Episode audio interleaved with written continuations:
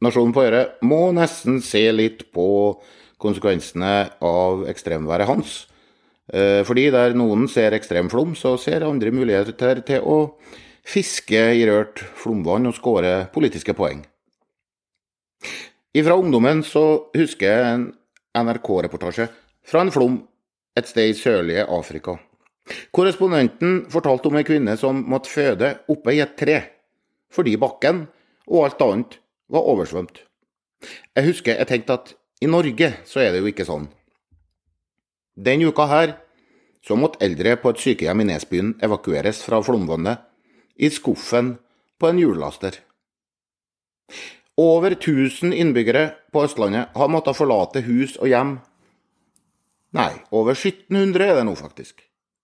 Fordi de er trua av flom, ras eller begge deler. Mange andre må koke drikkevannet. Hvis de har strøm, da. Titusener har ikke det. Tenk deg at du eller noen i familien blir syk, ja, eller skal føde. Da må dere håpe at mobilnettet ikke er blåst ned eller drukna, slik at du kan ringe 113.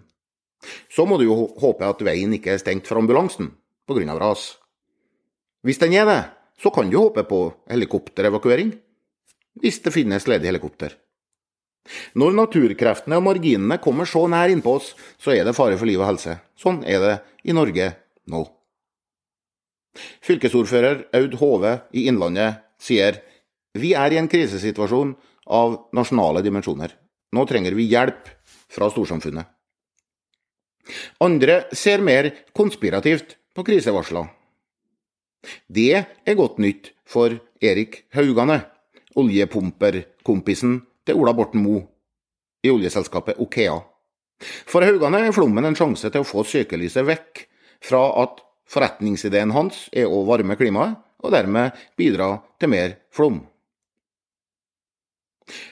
Haugane skriver på Facebook Dagens ekstremvær når ikke engang opp til foten av flomstøtta verken i Vågå eller Gudbrandsdalen. Hvorfor benytter ikke en eneste ordfører som lar seg intervjue, anledningen til å sette media på plass? spør Haugane. Og Facebook-menigheten jubler vilt.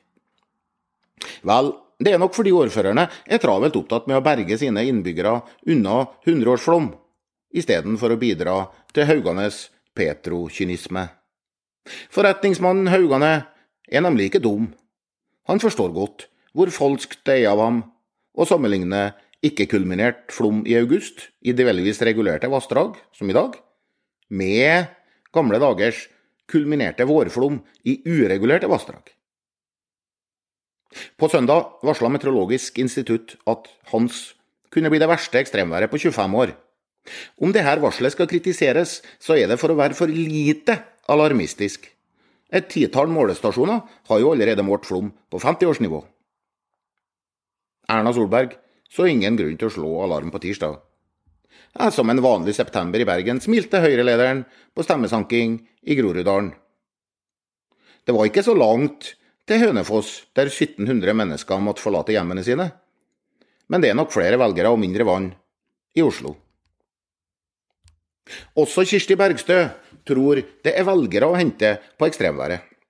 SV-lederen mener at beredskapsmangler i møte med Hans kan skyldes høyrepolitikk. For når private graver eller drifter veier, rør og fyllinger og annet for kommunene, så blir det dårligere beredskap og et mer sårbart samfunn, sa Bergstø i Politisk kvarter på torsdag. Det blir vanskelig å jobbe raskt og samordna i naturkatastrofer i Høyre-kommuner, fordi private aktører kan tenke mer på sine bedriftshemmeligheter.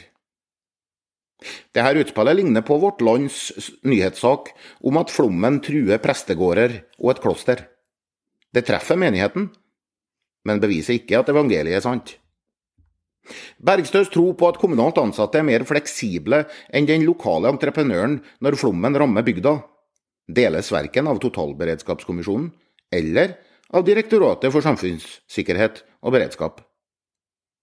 Ingen av de her to anbefaler jo rekommunalisering for bedre totalberedskap.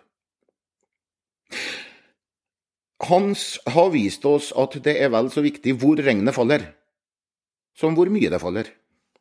På Vestlandet havner store regnmengder raskt i nærmeste kraftmagasin eller foss. Terrenget gjør at vann drenerer raskt. Nedslagsfeltene, altså arealet som drenerer ned i ett og samme elveløp, er små. Et par timers oppholdsvær, så har det meste av flomvannet gått i fjorden, og elver som Vosso, Opo og Lærdalselvi har roa seg. I vest så slår de ikke rød farealarm for flom før ved 120 mm nedbør. På Østlandet går alarmen allerede ved 80 mm. Det er langt fra Gol til Drammen. Vann fra 17 000 kvadratkilometer vest på Østlandet skal til sist renne gjennom Drammen sentrum. Derfor kan bergenserne godt la østlandsvittighetene sine ligge. Ei hard regnskur i Bergen er rett og slett mer ufarlig enn den er på Østlandet. Mens jeg skrev den teksten her, så vokste vannføringa under Mjøndalen bru fra 1300 til 1700 kubikkmeter i sekundet. Flomtoppen er ikke venta før til helga. Bunkene med skademeldinger vil ikke nå toppen før langt ut i neste uke. Nordmenn er i verdenstoppen i klimaskepsis. Men som min bestemor sa, den som lærer på kropp, han lærer godt.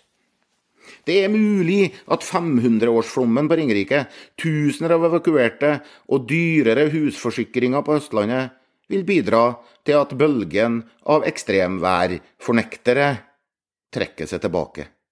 Skadevirkningene vil vi uansett slite med. Nasjonen på Øre ønsker det en tørr dag videre.